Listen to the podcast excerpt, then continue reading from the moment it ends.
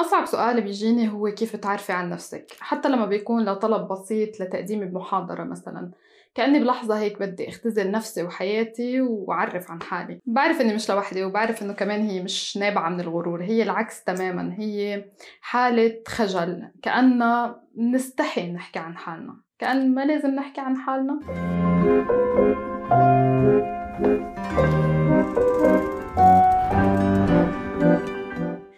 بيبهروني دايما الأشخاص اللي بيعرفوا يحكوا عن حالهم عن شغلهم عن إنجازاتهم. أحيانا بتكونوا فيها أي شيء من الإنجاز بس بتلاقيهم عم يحكوا عنها بقناعة تامة لدرجة إنه بيشككوك شوي بتعريفك للإنجاز. من بعد هيك لقاءات بصير بسأل حالي هو أنا قاسي على حالي؟ أو ما عندي شيء أفتخر فيه؟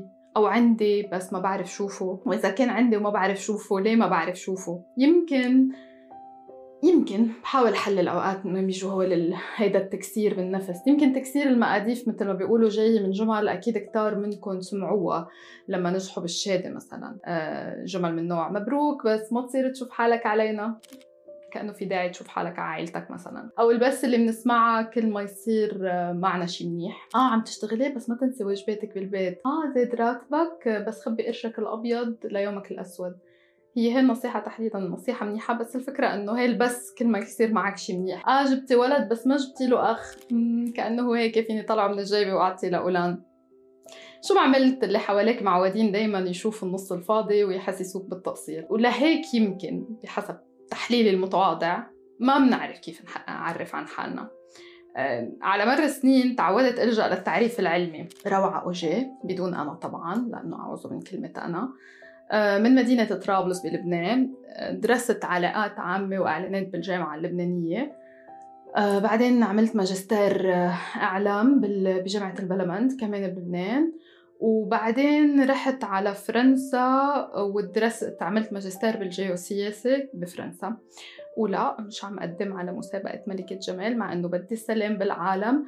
هيك بحس حالي كل ما أعمل هيدا التعريف العلمي. آه، بشتغل بالجزيرة وقبلها كنت بفرانس 24 بحرص دايما إني أذكر مدينتي. هلأ صرت بشوف الأشياء اللي طبعتها في وهلأ صرت أفهم إنه الأماكن الأولى هي بتشكل جزء كبير من هوية الأشخاص. حتى لو تعبتنا حتى لو هربنا منها ولبنان متعب وكتير ناس عم تهرب منه بس أكيد شكل هوياتنا.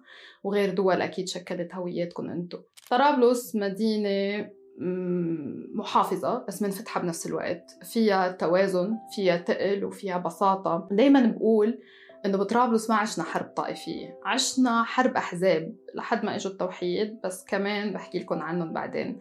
كنا نصوم مع المسيحية والمسيحية يصوموا معنا ونعيد بعض ونتزوج حتى من بعض. طبعا يزعلوا الأهل شوي يرجعوا يرضوا بعد فترة. عائلتي تحديدا تركيبة غريبة عجيبة آه، من التصالح وتقبل الآخر.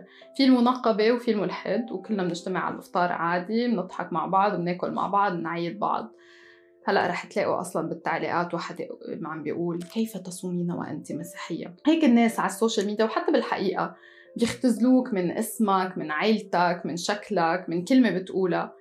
آه، وأنا تحديدا دايما كنت أرفض جاوب عن سؤال الدين لأنه بيستفزني سؤال شو دينك من زمان كتير. بحسه صراحة إهانة لكل اللي ماتوا بلبنان ذبح على الهوية ومش بس بلبنان. بلبنان كان في حرب أهلية لازم نوضح لأنه صار في جيل كامل من بعدنا يعني ما عاش الحرب ويمكن ما بيعرف إنه في حرب. كانوا الناس يقتلوا بعضهم على الهوية. يعني على حسب الدين المذكور عليها وكمان توضيح للي بيفكروا إنه الدول ما لازم تحط الهوية على الدين لا بلبنان تنكتب الهوية على الدين. آه، بتنكتب الدين على الهوية. بالعراق كمان صار تذبيح على الدين بسوريا كمان. كمان هيدي مواضيع لبعدين بس كلها تفاصيل بتخلق تعريفك. ما فيك تكون ابن هالشرق المشحون بهالقد ظلم بهالقد عنف آه، وما يقولبك بنفس الوقت في كتير أشياء حلوة. بهيدا المكان. أنا بنت نهاية الحرب ما عشتها خلص وقتها كنت بعدني صغيرة. تقريبا كان ممنوع اشتكي من أي شيء لأني ما عشت الحرب مثل أهلي وأنا أكيد إنه كل جيل ما بعد الحرب آه، عانى مثلي. إذا قلنا أي كانوا يقولوا لنا تحملوا كيف لو شفتوا اللي شفناه بالحرب وبعد هيدي الموشحة كانوا بعدين يترحموا عليها. عن جد ما كنت أفهم ليه أهالينا بيترحموا على الحرب. تخيل إنك طفل صغير عم تمشي بمدينة نصها مدمر تسمع عن حرب خربت البلد فوقاني تحتاني وبنفس الوقت تسمع أهلك هيك بكل رواق عم يقولوا يا الله على أيام الحرب شو كنا نتسلى شو كانوا الناس لبعض؟ قد إيه كنا نوقف حد بعض؟ تتذكروا الملجأ لما ننزل ويكون في قصف؟ يعني هيك. إذا نسيتوا شو حكيت هي كانت حرب أهلية والناس عم يقتلوا بعض. بس عن جد هي الناس كمان كانوا لبعض لأنه هيك في دايما خير وشر. بهالسوريالية كبرت وأنا دايما بحالة ذهول. شوف شي بسمع الناس عم بتقول شي تاني. يمكن هيدا هو إنجازي الوحيد اللي بفتخر فيه إني عرفت شق طريقي وسط كل هالجنون. بأقل ازدواجية ممكنة بكتير تصالح مع النفس ومع الواقع لأنه الواقع بده نوع تاني من التصالح. بس إنك تحاول تكون نفسك بهالزمن سواء كنت مرة أو رجل بالشرق هي أصعب معركة بالحياة. هالمرة خبرتكم شوي عني. المرة الجاية رح أخبركم ليش أوضة روعة. وما رح قلكم اشتركوا واعملوا like و share مع إنه أولان حيقول لي الفيديو تبعيتك مش ضابط لأنك ما قلتي هيدي الجملة السحرية. رح قلكم اطفوا التليفون واقعدوا مع حالكم شوي ولاقوا شي واحد على القليلة انتو عن جد فخورين فيه. وإذا عندكم الشجاعة اكتبوا لي بالتعليقات لنتشجع كلنا سوا نتعود إنه عادي نحكي عن حالنا. وكتير عادي إنه نقدر إنجازاتنا. بشوفكن الأسبوع الجاي.